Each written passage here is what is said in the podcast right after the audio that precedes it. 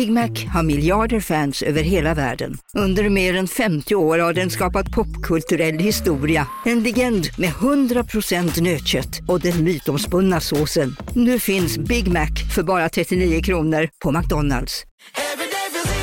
Som medlem hos Circle K är livet längs vägen extra bra. Just nu får du som ansluter dig 50 öre rabatt per liter på de tre första tankningarna och halva priset på en valfri biltvätt. Och ju mer du tankar, desto bättre rabatter får du. Välkommen till Circle K. Hej, Susanne Axel här. När du gör som jag och listar dig på en av Krys vårdcentraler får du en fast läkarkontakt som kan din sjukdomshistoria. Du får träffa erfarna specialister, tillgång till lättakuten och så kan du chatta med vårdpersonalen. Så gör ditt viktigaste val idag, lista dig hos Kry. Och de har till exempel då um, låtit uh, honom översätta drink and drive, alltså köra rattfull, till supa och köra. uh, och det är massa Alltså, sådana där... Förlåt men det är mitt nya motto, supa och köra. Supa och köra. Med mina highbrows. Ja. Nej, det är inte en bra översättning. Um, men å andra sidan Nej. kanske den passar in i Venudis idé om foreignization. Om vi då Ja, accepterar nej, men det att, att drink and drive och köra rattfull har olika konnotationer om man väljer att översätta liksom, den kulturella sammansättningen drink and drive bokstavligt. Jag skulle kunna Ja, man argumentera känner... för, att, Ja, för att det man känner- Benjamin eh, hade varit för. ja. Man, man känner att nu, nu är man liksom inte... Nu är man inte i Värmland. Men det är man. väl ändå vad vi gör i gästabudet, vi super och kör. Ja.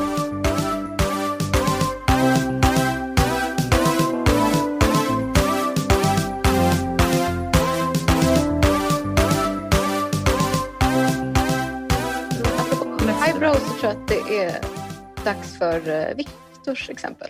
Ja. Mitt exempel är minst highbrow för att ni känner inte till den här figuren tror jag som jag ska prata om. Men han påverkade mig extremt mycket när jag var typ 22-23 och läste honom. Och sen, sen efter det har jag ärligt talat inte tänkt så himla mycket på översättning alls. För att jag insåg att det han övertygade mig om, eh, eller det jag blev övertygad om under ungefär samma period som jag läste honom, var att översättning inte är någonting man ska hålla på med och jag ska bara läsa språk på de litteratur jag förstår, eller litteratur på de språk jag förstår. Vilket eh, efter ett tag blir ganska trist. Gud vad liksom. intressant, vi har precis motsatt argument efter dig. Så. Ja, nej men det, det, här var, det här var bara liksom, jag fastnade bara i den här tanken på ett väldigt djupt sätt. Typ när jag pluggade min master i litteraturvetenskap. Och, och det har egentligen inte stöd i vad någon av de här säger, utan det var bara någon så extrapolering av det jag läste som jag fastnade i. Så jag, Men vilka språk blev du begränsad till? Ja, men de skandinaviska. Svenska, danska, norska, tyska, engelska.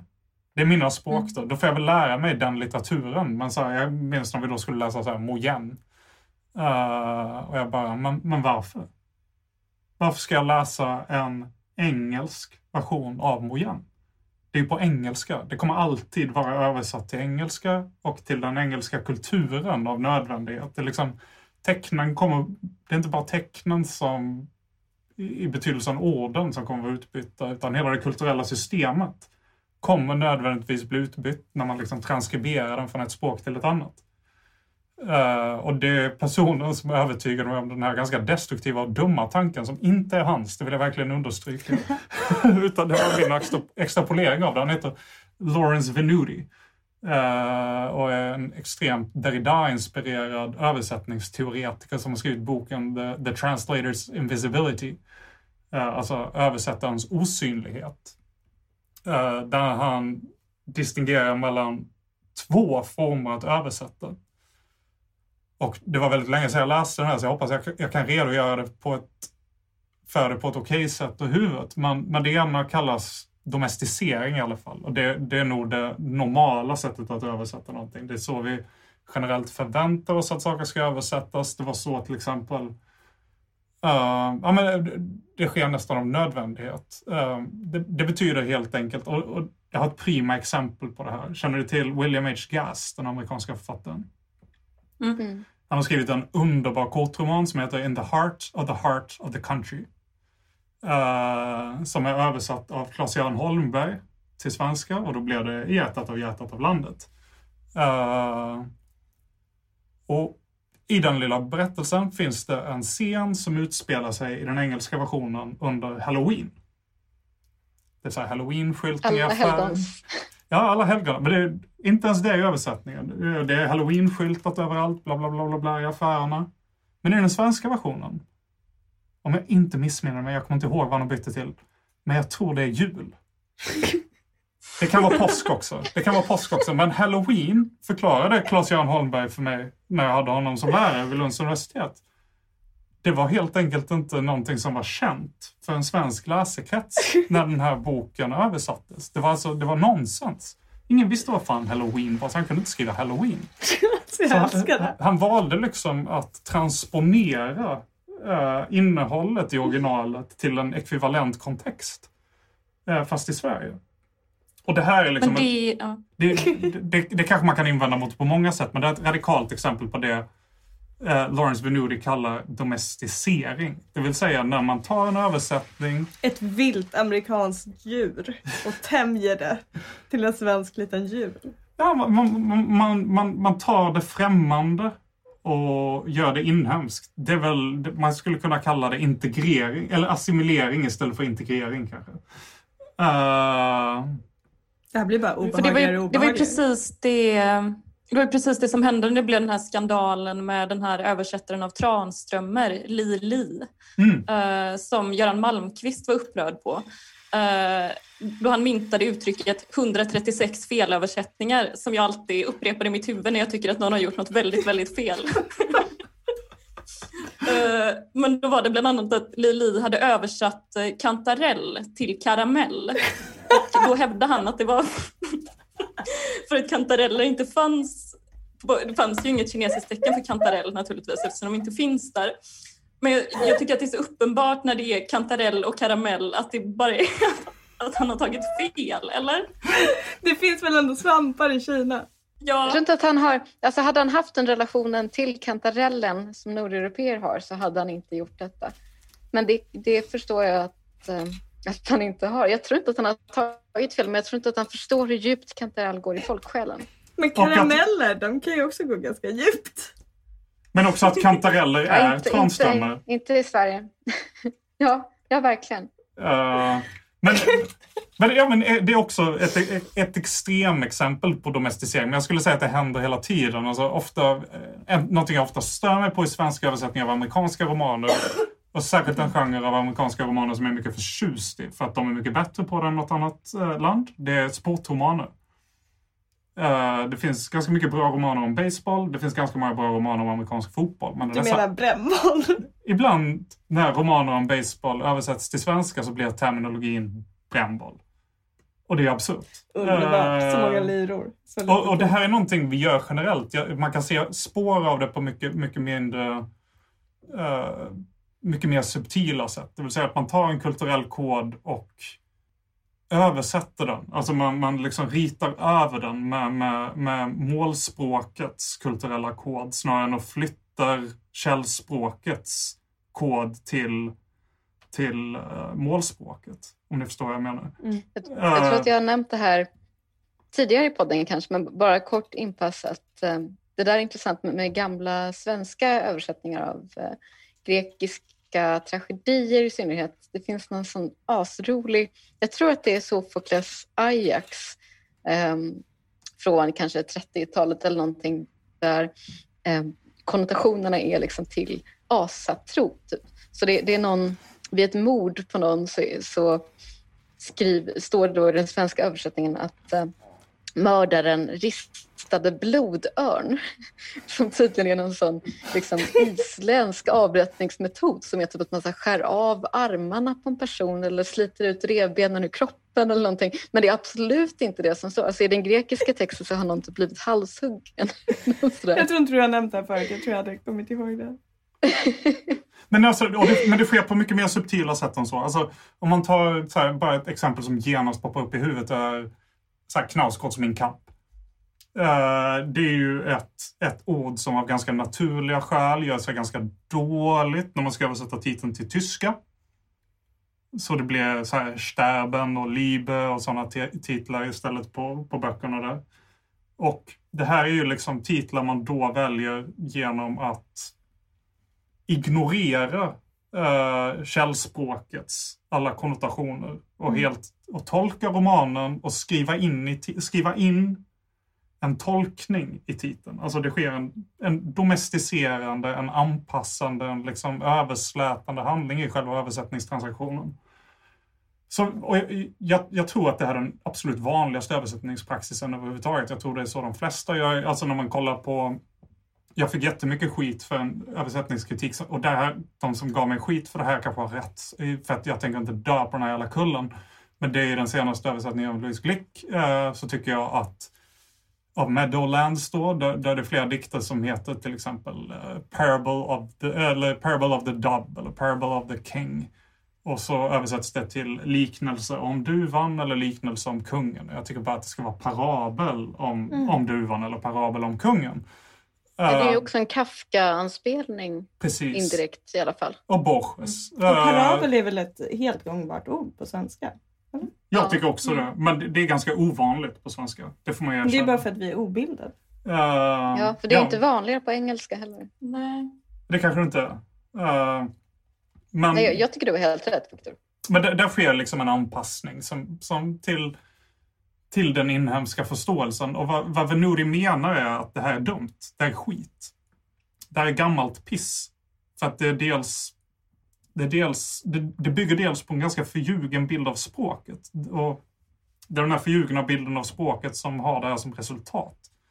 För att han menar inte, som då apropå det språkmystiska, att uh, bröd, bread och bråt uh, delar någon slags här mystisk komponent som gör att de, råkar, de låter likadant och refererar till samma ting, utan att det är fullständigt arbiträrt hur, hur, hur språket betecknar världen och att alla språk uh, är kulturellt relativa till varandra, alltså på ett radikalt sätt.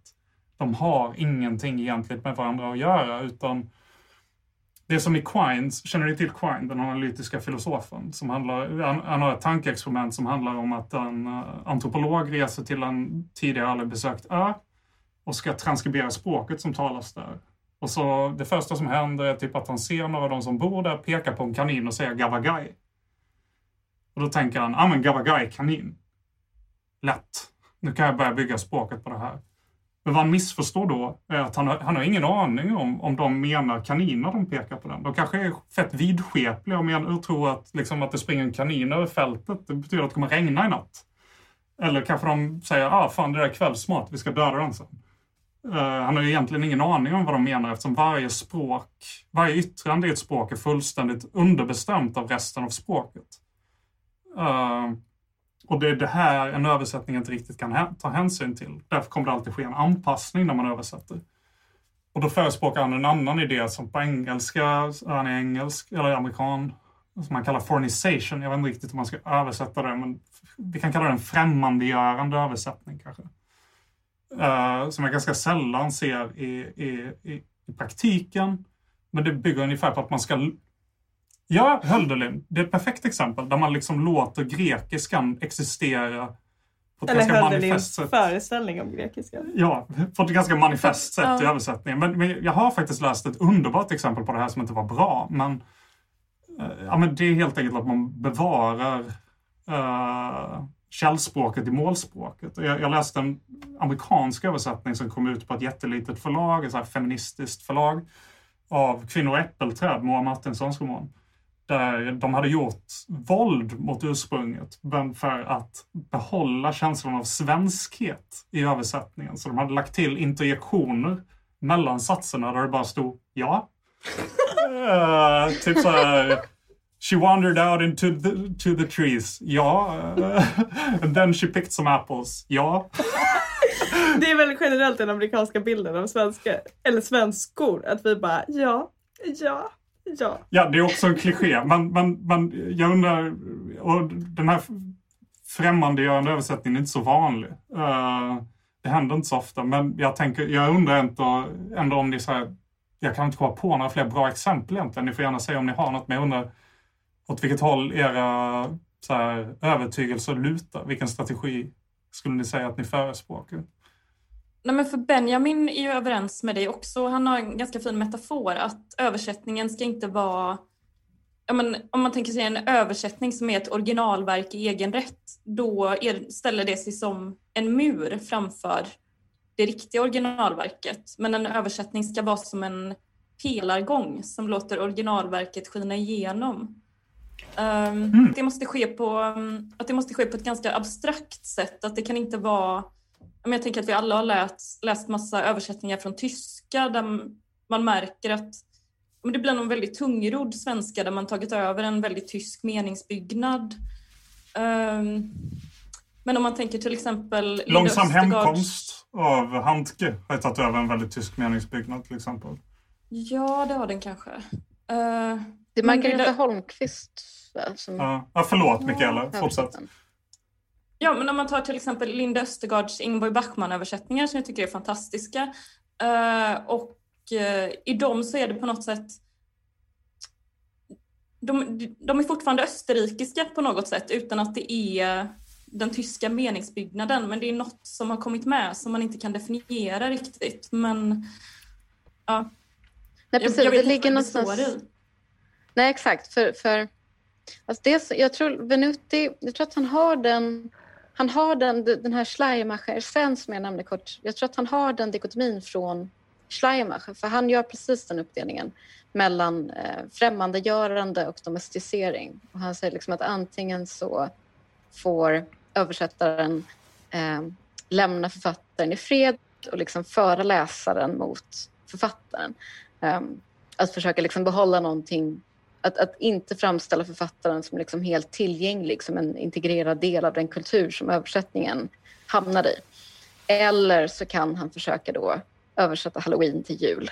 Uh, sådär. Och Schleiermacher han är då inne på också på den första, som Venuti och Benjamin, han är inne på den första strategin att man, man måste på något sätt, ja, det måste vara den här pelargången.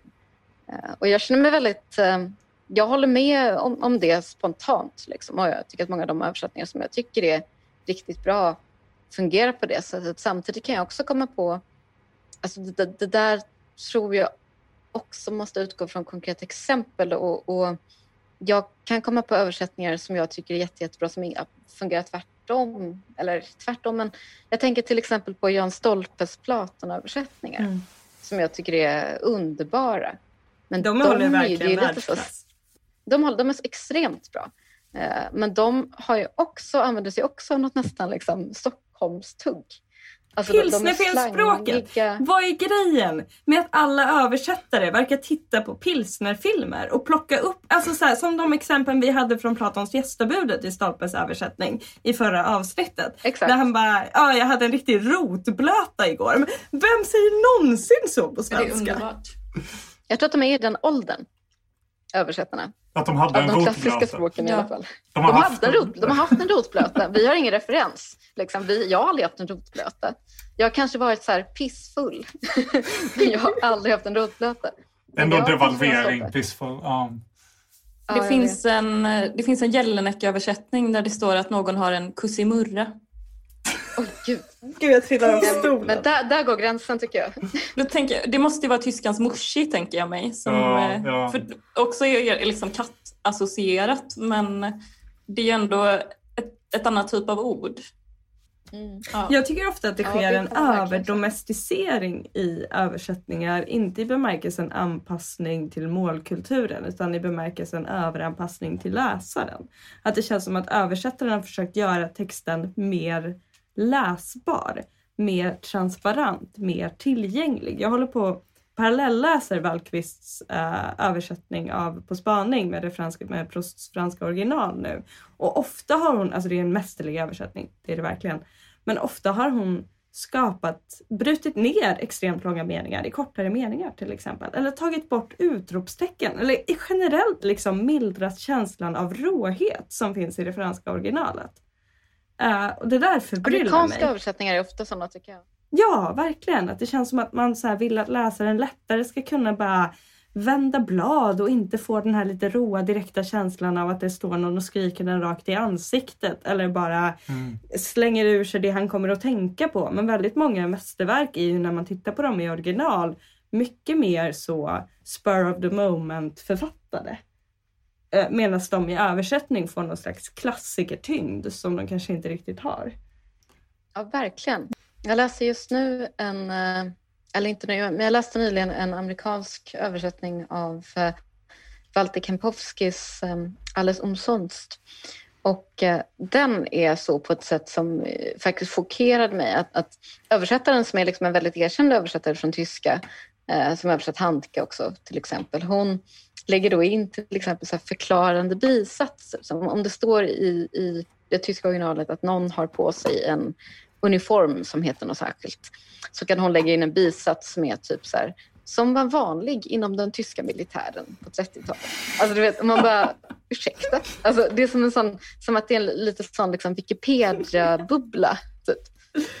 det, tycker jag, det tycker jag är upprörande faktiskt. Men ibland är sånt, alltså, för jag, jag, har läst, jag har inte läst jättemycket Mo Yan och jag vet inte varför jag tänker på honom så mycket just nu, men det är nog den enda... Jag gör verkligen det. Vad sa du? Hi bro. Hi bro. Men han är inte så bra. Mest överskattade Nobelpristagaren skulle jag säga. Uh, men det är en roman jag tycker riktigt mycket om. Och det är den som på svenska heter Röda fältet och på engelska Red Sorghum. Och här undrar jag ibland, är det min språkkompetens som fallerar på engelska utan att jag riktigt är villig att erkänna det för mig själv och därför idealiserar Howard Goldblatts briljanta översättning av den här romanen som gör liksom till en underbar jävla roman på flytande, flödande, vacker engelska. Och lite så här till den svenska, bara, nej det var inte så kul att läsa den på svenska. Uh, uh, att du är så dålig på engelska att du tror att det är bättre än vad det är? Ja, jag Eller? tänker att det absolut finns en sån risk. Eller? Ja, men den erfarenheten mm. hade jag när jag ja, började läsa på norska och danska. En känsla av att så här, språket återförtrollades för att jag inte riktigt förstod allt men ändå hade känslan av att jag förstod allt. Ungefär som när jag började läsa för svåra svenska romaner i tidiga tonåren. Att man bara wow, här är det någon slags magisk stämning. Typ. Jag, vet, jag kommer ihåg väldigt tydligt när jag var typ 16-17 och läste en novell eh, på norska som handlade om en fugleball.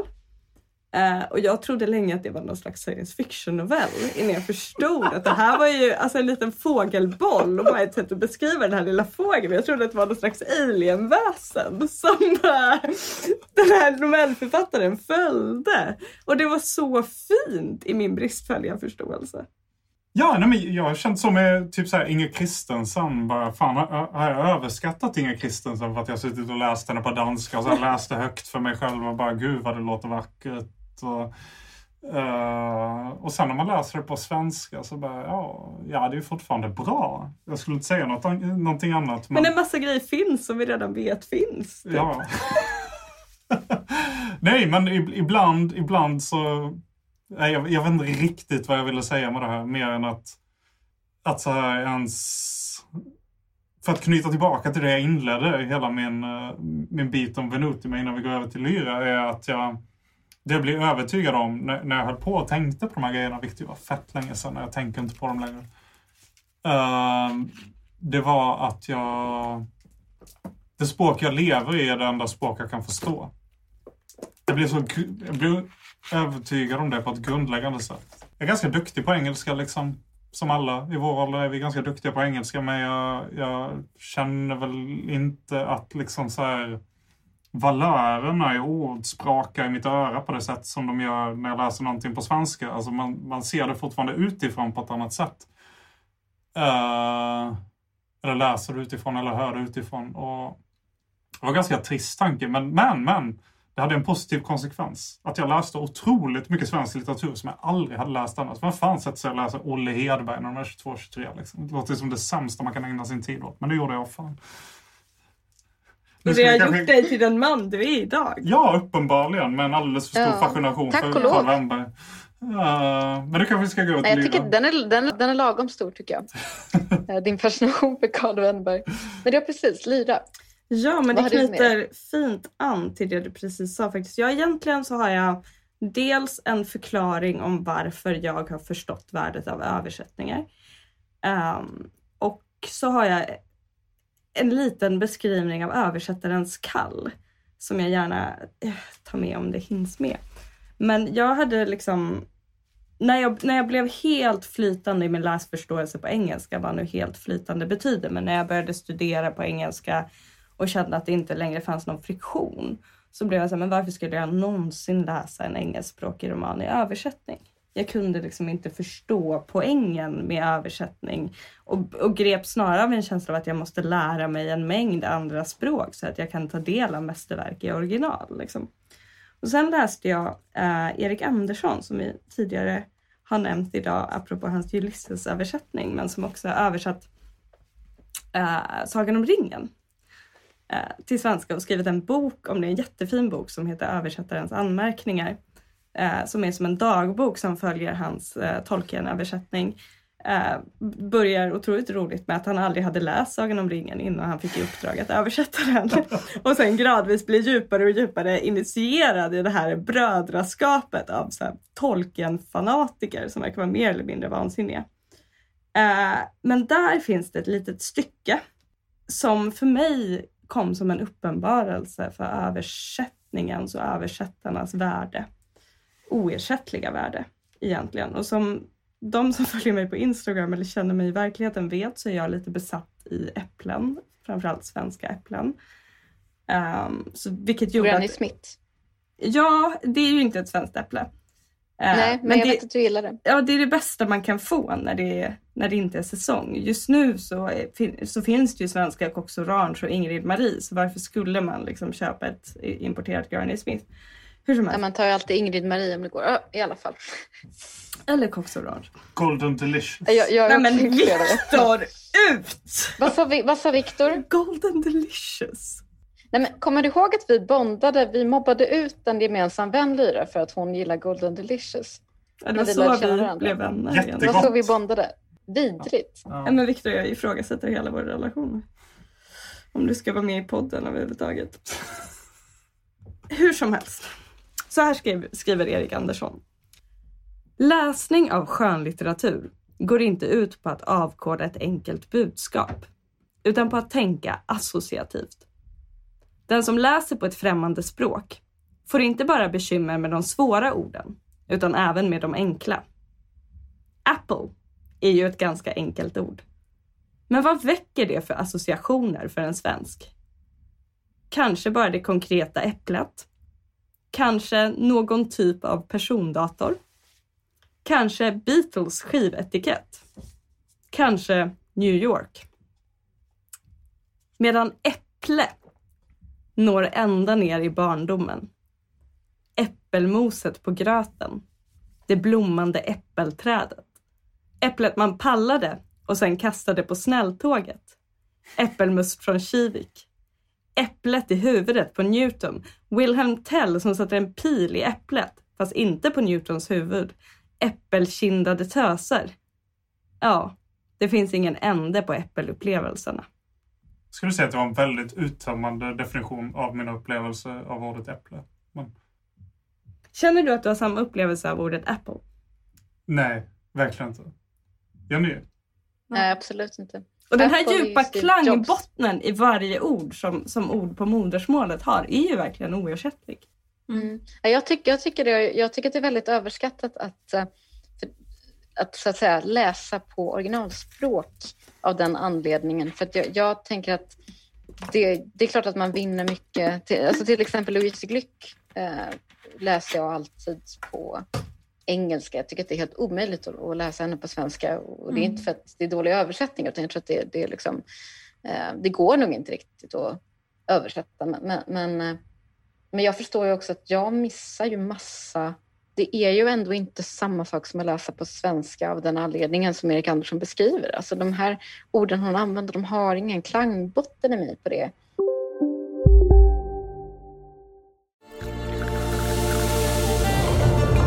Välkommen till Maccafé på utvalda McDonalds restauranger med Baristakaffe till rimligt pris. Vad sägs om en latte eller cappuccino för bara 35 kronor? Alltid gjorda av våra utbildade baristor. Hej Sverige! Apoteket finns här för dig och alla du tycker om. Nu hittar du extra bra pris på massor av produkter hos oss. Allt för att du ska må bra. Välkommen till oss på Apoteket. Hej, Synoptik här.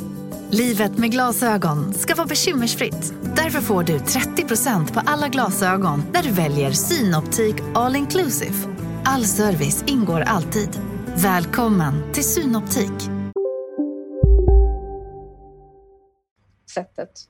Så jag läser på det stora hela så läser jag gärna romaner på språk jag kan, alltså ja, men som Viktor, tyska, engelska, de skandinaviska språken. Jag läser gärna dem på svenska om de finns tillgängliga, för jag tänker att det som jag missar i att inte läsa dem på originalspråk, det missar jag ju, alltså jag missar ju lika mycket när jag läser dem på originalspråk för att jag inte får den liksom, sensoriska upplevelsen kanske man kan säga. Omedelbara, det varierar ju. Alltså, omedelbara ja, sensoriska upplevelser. Liksom. Mm. Ja. Men sen finns det ju grejer, framförallt i poesi, tänker jag. En grej i den här senaste översättningen av Meadowlands som verkligen visar problemet i att översätta poesi. Och det, det när uh, Louise Glicke en, en dikt skriver No giant would talk the way you talk. Och det är en dikt där liksom New York Giants, det amerikanska fotbollslaget, liksom är den strukturerande metaforen. Och just när hon skriver det här, No giant would talk the way you talk, så, byt, så har hon inte ett stort G, utan det är ett litet G, det är en gemen. Men, men i den svenska mm. översättningen så blir det ingen Giants-anhängare skulle prata på det sättet som du pratar.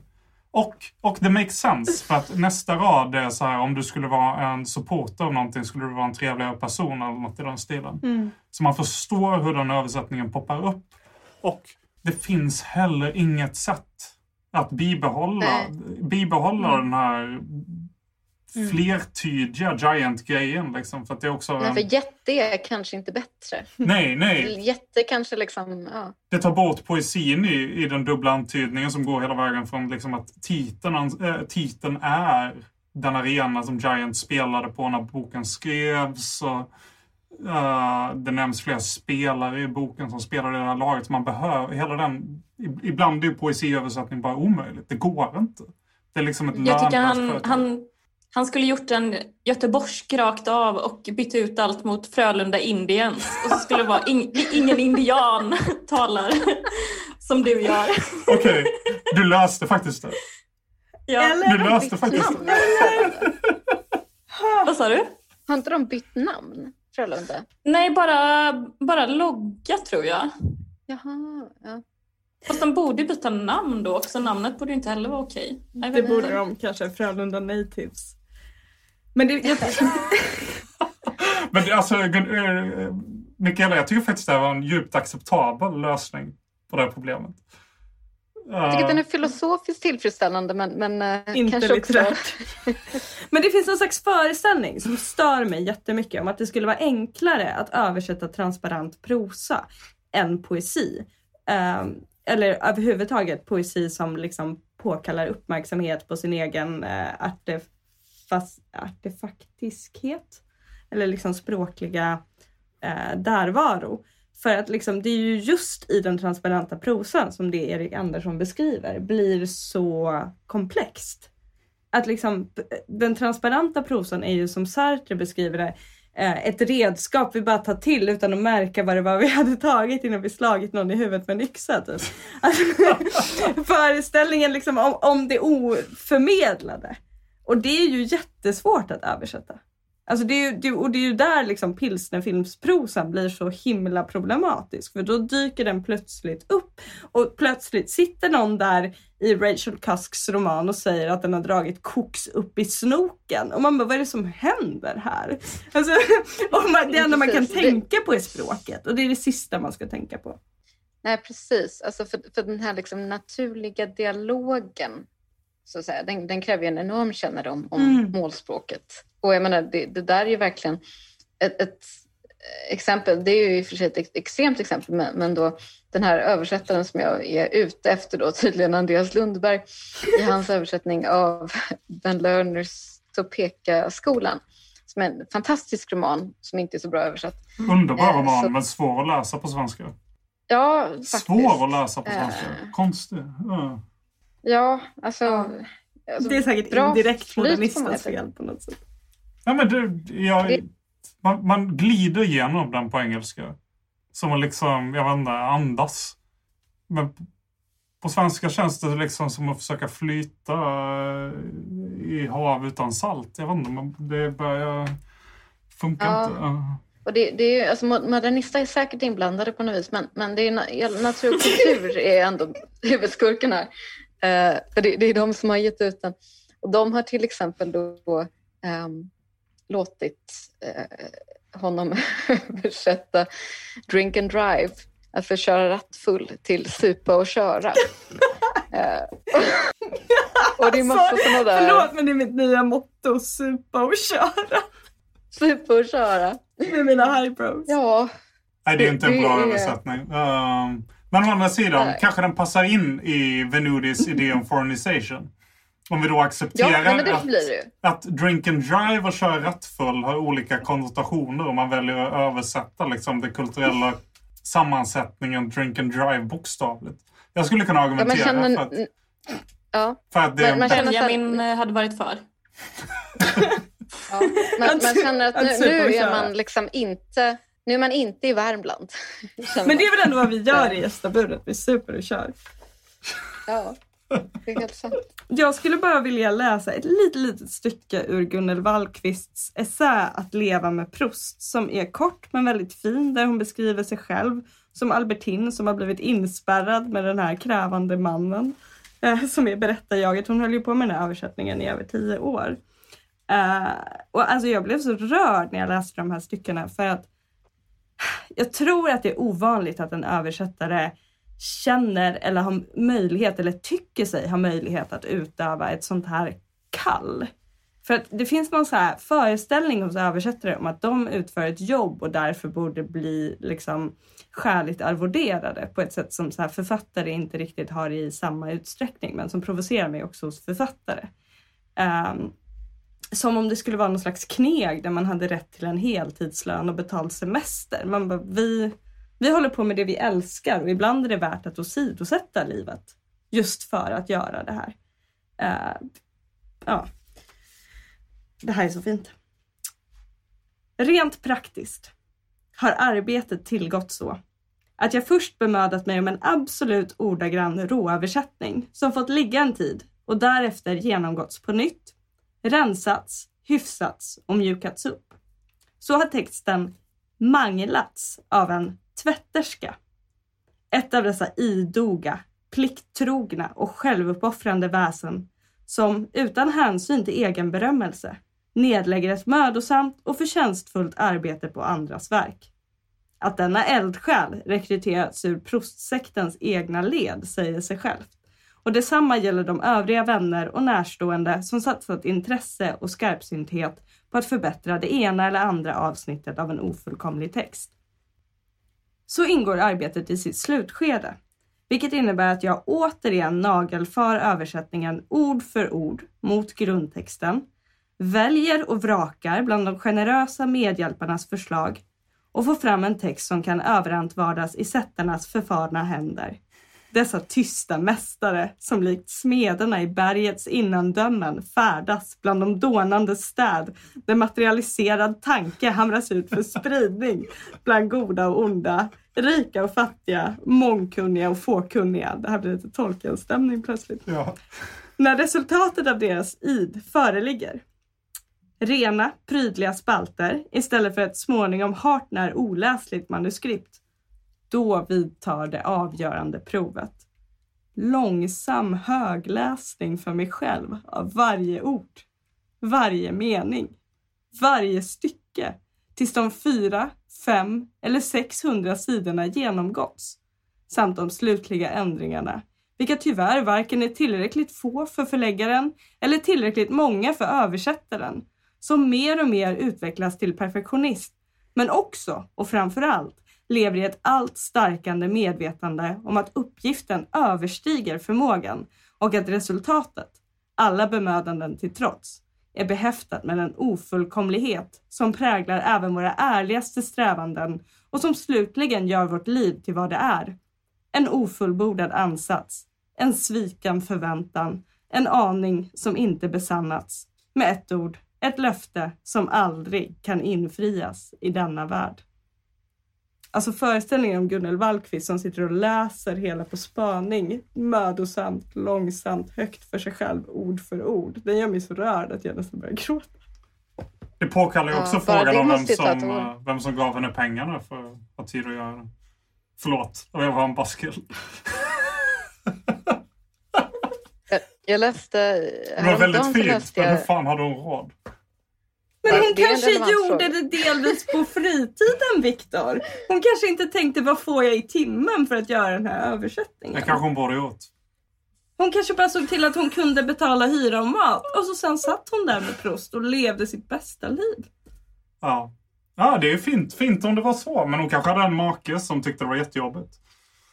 Eller ett par katter som liksom behövde sin låda städad. Nu känns det som att vi börjar prata om Victor Malm istället för tre, tre olyckliga barn som fick sina liv förstörda, vem vet? Men för Proust, ja, var... ändå så här, jo vi hade en taskig barndom, men liksom, vad, blev, vad blev resultatet i den här Proust-översättningen? Jo, det var ju värt det. Yeah. Jag säger ingenting annat. Uh, eller jag, jag sa kanske en hel del andra grejer, men jag, jag landar kanske i slutsatsen att det var värt det. jag, jag, tyck, jag tyckte att du ställde en fråga, Viktor. Är det värt Huvudsakligen. Ja. ja. Eh, jag, jag läste Edmund Whites biografi om Proust häromdagen. Eh, och då skriver han om eh, Prousts översättning. Han översatte ju den engelska författaren John Ruskin. Och tydligen så kunde inte Proust engelska. Eller alltså han, han, han kunde i alla fall inte liksom läsa engelska. Eh, så han hade liksom två assistenter som satt med och översatte varje ord, liksom den lexikala betydelsen för Proust. Och så skrev han en bra fransk text utifrån detta. Men detta anses vara bra översättningar, tror jag. Han var ju besatt Men, i eh, Ruskin i flera år. Mm. Var Ruskin snygg? Det vet jag inte, Viktor. Ska vi bildgoogla? Nej, vi har inte pratat inte. om en enda snygg man utom då eh, Hölderlin i hela avsnittet. Och det, det, är ändå, alltså, då är ribban ändå ganska låg. jag har ingen aning om hur han ser ut faktiskt. Men jag har sett gamla bilder på Hegel och han var inte jättevacker man. Men det, det är det här med... liksom lite syrligare utseende. Alltså jag vet jag inte. Ruskin, Ruskin har lite samma liksom, så kindpolisonger som Hegel. Snygg. Helt klart. Aha. Ser ni i zoom? Ja, oh, nej, jag... Mm tveksamt. Ja, det, alltså. var, det var lite sådär. Ja, jag ja. håller med. Jag är mer... tycker Proust är snyggare. Nej, men Rebecca. Har ni sett fotografiet på Snyggare. Men har, har, ni sett fotografiet på Post när han håller ett badmintonrack som en luftgitarr? Eller som ja, en herregud vad han ser tunt ut. Alltså han ser ut som en sån wannabe-societetsperson. Jag kommer aldrig glömma någon artikel jag läste. De hade intervjuat någon från så här Prousts kretsar. Hon bara Oh, Proust. Well, we thought nothing of him. He was a little man sitting in a corner. Och alla bilder på honom framstår... skriker ju av det. Att han var liksom en wannabe. Verkligen. Alltså, han framstår så mycket som det i Edmund Whites biografi här. Att han är någon slags liksom, arrivist. Alltså bara, en, en, lite halvrik person som hänger runt i societeten och som ingen riktigt gillar och som alla uppfattar Alltså liksom de, de återkommande omdömena om Proust är att han är en smickrare. Mm. Han, han, är väldigt generös och han dricksar 200 procent. Han kommer med otroligt mycket komplimanger. Han bjuder på han storslagna fester men ingen gillar honom. Liksom. Han är bara där. Visste ni att hans pappa var han... epidemiolog? Sjukt. Ja. Jag vet det nu. Sen han, han, han var en mästare under koleratiden. Det var han som införde idén om isoleringszoner. Typ. Ja. Vad säger det om vårt perspektiv på tiden? Jag bara undrar. Anders Tegnells son ja. kanske också har en roman. Nej, han är bara döttrar. Uh, ja, de men, kan inte skriva. Så... Kvinnor. Då, då blir det inget skrivande. Nej, det går inte. Nej. Jag vill ha killböcker, jävla tjejböcker. Får jag dra några av mina... high bro, inte low bro. Inga så här... Inte bro i kjol, herregud. Men, men innan, vi, innan vi avslutar det här. Får jag dra, får jag dra mina, min, mina bästa översättningsanekdoter så får vi se om ni har några. Jag har ändå några goa. Uh, varav ett par av dem var så länge sedan att jag ibland, eller ganska ofta snarare, tvekar på om det är mitt minne som har skapat dem eller om de faktiskt är grundade i verkligheten. Men jag tror att de stämmer. För jag har inte orkat kolla upp dem innan det här avsnittet. Den första, min favorit. Min absoluta favorit. Och den här stämmer. Det är att det är en väldigt, väldigt tidig översättning av Jan Steinbeck. Alltså i boken som på svenska heter Det stora kalaset. Vad heter den på engelska? The Long Valley. Är det den? Så har de en Intressant fest. översättning i sig. Jag tycker vi ska döpa om den här podden till Det stora kalaset. Men, men det kan vara fel. Jag är inte säker på att det är den som blev Proust hade ju en tidskrift som hette Gästebudet. Va? lärde jag mig nu. Oh my god. När han, var, när, han, eh, när han var ung så hade han tillsammans med några andra bros en tidskrift som hette, vad det nu är det franska ordet för gästebudet, efter Platons dialog. Så att... Så att eh, jag är basically ja. Proust. Ja, det var det jag menade. Ah, nice. I alla fall. I alla fall Jo- John Steinbeck. Där översätts... De, det är en fest liksom. Det är ett stort kalas. De grillar skit. Bland annat hamburgare på engelska. På svenska, Handbiff på svenska. på svenska blir det skinkmackor. Hur underbart är det inte? Det stora kalaset med skinkmackorna. Grillade skinkmackor. Good Det är fantastiskt. Så bra. Det är underbart. Eh, jag blir så himla glad när jag tänker på det. Och sen, sen har vi... Det här är väl i och för sig inte en lika kass översättning. Eller lika konstig översättning. För att man kanske kallar det det i Sverige. Men det är den första översättningen av Jack Kerouacs On the Road. När den fortfarande heter På drift istället för På väg. Så översätts basket. Eller basketball. Till kojboll. Det tycker jag också är gulligt. Men det kanske inte är så konstigt. Men det sa man väl förr, eller? Jag vet faktiskt inte. Det kanske man gjorde. Jag tror det. Ja. Eh, men jag tycker fortfarande det är gulligt. Det låter så himla gulligt. Mm. Men, och sen har jag en tredje. Känner ni till uh, Torsten Jonsson? Norrländsk författare. Som bland annat skrev en av de fan mest framsynta modernistiska svenska romanerna som heter Konvoj. En briljant roman, en någon slags konstig kollektivroman som utspelar sig på ett skepp på väg över Atlanten. Han var också, han var också en Hemingway-översättare. Jag tror han översatte någonting av Faulkner också. Men av någon anledning, jag vet fan inte varför, så råkade jag en gång läsa en amerikansk avhandling av Torsten Jonsson. eh, som gjorde det extremt spännande påståendet att hans översättning av Hemingway till svenska var bättre än originalet. Och det skulle vara min avslutande fråga innan vi, innan vi lägger ner här. Har ni, har ni någonsin stött på en översättning som är bättre än originalet? Och då måste det gälla en lika stor författare som Hemingway, där man kan säga att liksom, fan en jävla översättare lyckas slå den här personen på fingrarna. Jag tänker att jag måste ha gjort det, men att jag nog inte vet vad det är. Det måste ju hända, tänker jag. Det måste Ja, det måste, det måste absolut hända. Mm. Absolut. Men jag tänker om man sätter på en sån bra översättning då kanske man inte heller går till originalet för då är man så himla nöjd med det man har läst. Det är bara en så, det är bara en så fin tanke. Eh, Mm, verkligen. Eh, typ, typ så här. eh, jag vet inte om det är sant med Gloria Gervitz för att jag vet att Mikaela har varit ganska kritisk till översättningen av Gloria Gervitz till svenska. Men hon är ju en författare som inte är stor någon annanstans i Sverige trots att hon är mexikan, eller hur? Mm. Eh, Precis. men hon är liksom big in Sweden. Hon är en mer en svensk författare än en äh, Hon kanske är stor i Mexiko, det vet jag faktiskt inte. Men hon är inte... Går du till en amerikansk poesibokhandel hittar du inte Gloria Gervitz. Går du till en spansk hittar du inte en Gloria Gervitz. Men, men går du till Söderbokhandeln i Stockholm hittar du absolut Gloria Gervitz. Där finns hon. Går du på en uppläsning av Gloria Gervitz i, i, i Stockholm så är det många människor där. Det är liksom förvånansvärt många människor där. Det är fler människor på en uppläsning av Gloria översatts Gervitz. flera än- gånger till och med. Ja, typ tre. Ja. Eh, Men det är, ju, eh, det är ju en väldigt vacker dikt på spanska. Eh, Och eh, jag har inte varit kritisk mot eh, Ulf Erikssons och Magnus William Olssons översättning utan bara Hanna Nordenhögs för det finns ju flera Ja. översättningar. Och bara det är spännande. Eller? Ja. Ja. eh, men jag, jag tänker att de här grejerna måste existera. Att i, i transponeringen så händer det ibland grejer att det, det transponerade blir större än det som transponerades. Ja. Jag tycker det är intressant med, apropå Tolkien-översättningar, med Åke Ornmarks Tolkien-översättning. Team Olmark. Han översätter, ja, jag är verkligen team Ornmark. Han, han översätter Tolkien på 70-talet tror jag kanske. Eh, en sån väldigt, väldigt fri, och det, det var liksom den gängse svenska tolkenöversättningen länge. Och den, den ska vara väldigt fri som jag har förstått det. Alltså att han, han skriver om lite grann, alltså han, han byter namn på de flesta. Och tolken som, som ju kunde läsa svenska, han var själv väldigt missnöjd med den här och tyckte liksom att det var en fullständigt absurd, eh, absurd tolkning. Och Olmarks blev liksom, han, han, tyckte att han blev väldigt hårt ansatt av Tolkien-fans och då skrev han en, eh, på 80-talet någon gång en, en eh, bok som jag varmt kan rekommendera som heter Tolkien och svarta magin. Där han framställer svenska Tolkien-fans som tillhörande någon slags ockult sällskap. Eh, well. Och med, med säte i Skåne, har jag för mig.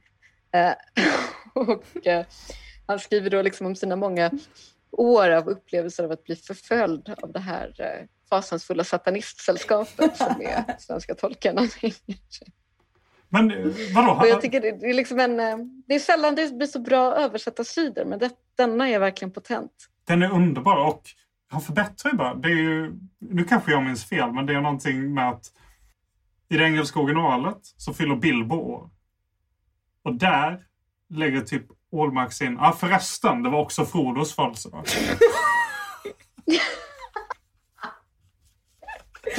Det är en klar förbättring. Det är ju jättemycket bättre. Varför skulle de inte fylla år samma dag? Det blir ju asmycket ja, bättre. Varför skulle det inte vara så? Ja! Det är klart. Det blir sämre om de inte fyller år samma dag. Alltså, Ålmark... Varför skulle de fylla år samma dag? Mm. Dubbelfest! Ja. Som Le Banquette heter för övrigt gästabudet på franska. Det tycker jag är fantastiskt. Ah. Banketten! Men de det är så mycket öde. frodigare. ja, skulle vi kalla oss banketten? Det vore underbart. Banketten. Det äts för lite i det här gästabudet tycker jag. Ja. Nobelbanketten. Jag har faktiskt en enda erfarenhet att översätta och det var när jag och Elin Bengtsson översatte eh, Coronation-manifestet till svenska 2013, tror jag det var. Och då fick vi faktiskt en del kritik för att vi hade valt att översätta straights till heteros. Det, det är ju liksom en samling texter från anonyma aktivister i ACT UP-rörelsen, AIDS Coalition to Unleash Power. Uh, som tillsammans liksom utgör ett, ett, ett, väldigt starkt manifest där de bland annat skriver Rules of Conduct for Straight People uh, på queera barer. Uh, till exempel så här, hångla inte loss här, det gör oss illa berörda, ni har massa andra platser att göra det på. Uh, men då var det många queers som var så här, hallå, det finns faktiskt queers som är heteros. Ni kan inte översätta straighta med heteros. För heterosexualiteten är en del av queerrörelsen. Jag vet fortfarande inte riktigt hur jag förhåller mig till det här. Men straight, straight är ju typ ett begrepp på svenska, eller är det det? Vad säger ni? Ja, eller? Ja, det är ett begrepp, men jag tycker inte... Alltså jag tycker straight är ett begrepp. Men heteros är ju mer... Alltså om man ska, om man ska liksom nämna subkulturen så tycker jag att heteros är ett bättre ord. Eller hur? Det har lite mer edge, ja. typ. Vem tar ja. åt sig av att bli kallad straight på svenska? Ja. Nej, precis. Jag skulle kalla mig straight. Heteros är mer pejorativt. Hetero är mer pejorativt? Oj! Alltså heteros, inte, inte liksom ett, att vara hetero är ju helt neutralt. Men heteros har ju mer av den här liksom, lite så ihopklumpande semiraljanta tonen. Och den vill man ju åt. Ja, exakt. exakt. Mm. Det är ju den som ja. finns där. Liksom. Jag hade nog inte uppfattat mm. den som pejorativ, men jag är nog inte så van vid att ingå i en grupp som betecknas pejorativt, så jag kanske bara är så okänslig för du bara, vi är heteros, det är så trevligt. Vi har det så trevligt här. Toppen människor allihopa egentligen. Så mycket gemensamt. Som ni gör. Inga, inga heteroanhängare hade... Nej, men jag tänker vadå, om man är hetero för att höra att man är hetero, då är det väl bara så som det är, eller det är väl inget att bli upprörd över? Exakt, men om man identifierar sig som hetero, till exempel är trans, och plötsligt känner sig exkluderad från ah, queerrörelsen. Ja, ja. Då är jag med. Då bara, oh, fuck jag är inte straight. Uh, jag kommer aldrig vara en ja, straight ja. person. Men Kul det om du hade översatt det till rak och försökt lansera begreppet rak. Inga rak. raka människor här, vi är alla knokiga. Oh, fy fan. Allt jag hatar med queervärlden. Okej, okay, men jag har en idé. Hur vi ska avsluta det här. Det är alltid svårt. För när slutar någonting egentligen? När Viktor Malm säger att det slutar. Nej, men uh, jag, jag, jag bjuder på en liten tävling här. Dels för att så här, Douglas måste gå hem och sova. Vi måste gå hem och sova. Så jag tycker att vi ska ha en uh, översättningstävling som jag inte deltar i för att jag är the instigator. Och domaren? Uh, är också jag. Uh, Big Dick Energy.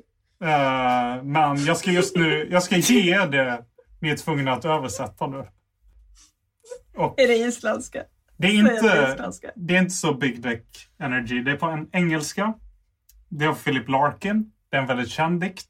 Ni kanske har hört den förut. Och ni kanske har gått runt och tänkt hur skulle man översätta den här dikten egentligen? Hur ska man göra den vacker på svenska? Det kanske är någonting ni har gjort några söndagar. Uh, men ni kommer känna igen den så fort jag börjar på den. Och sen får ni leverera från minnet den bästa översättningen av den möjlig. Rebecca börjar. They fuck you up, your mom and dad. They may not mean to, but they do.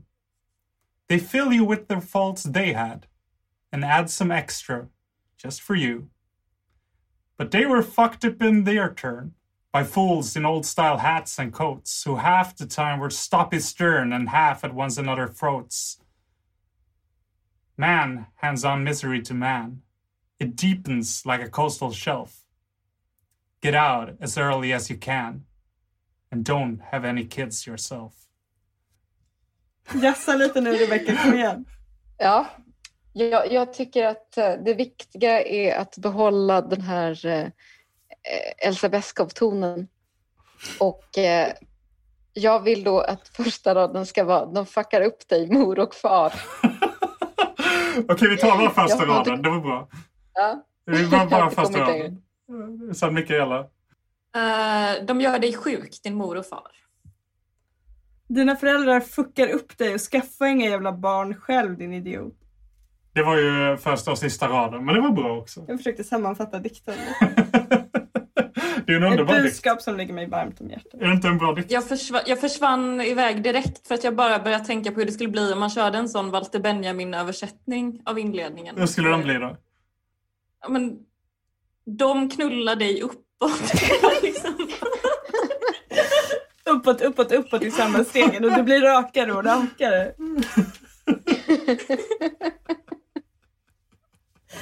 Det här var det åttonde avsnittet av eh, podcasten Banketten. Nej, jag menar symposiet. Nej, jag menar gästabudet. Och vi har pratat om översättning och vi som sitter här mer eller mindre medierade heter Lyra Colli. Viktor Malm. Rebecka Kärde. Mikaela Blomqvist. Anna Klara och David. Och tack till Pure Studios och Douglas Melin för den här gången. Tack så hemskt mycket. Tack för att och ni lyssnar. Och tack, tusen tack också till, till Anton Wedding som gör vår jingel. Ja, tack Anton. På återhörande i det nya året.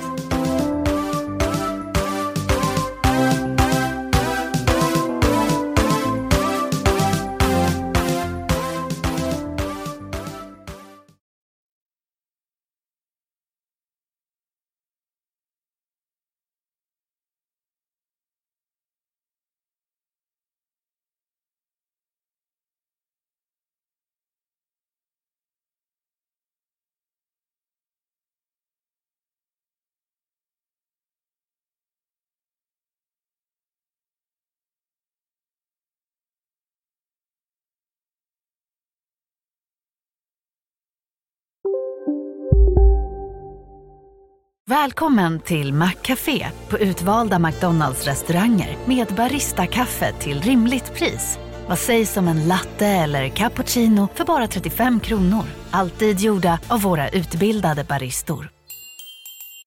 En nyhet. Nu kan du teckna livförsäkring hos Trygg-Hansa. Den ger dina nära ersättning som kan användas på det sätt som hjälper bäst.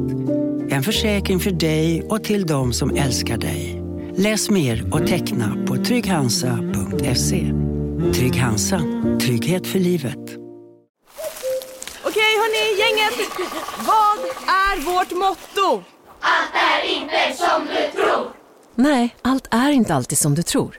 Nu täcker vårt nät 99,3 procent av Sveriges befolkning baserat på röstteckning och folkbokföringsadress. Ta reda på mer på 3.se eller i din 3-butik.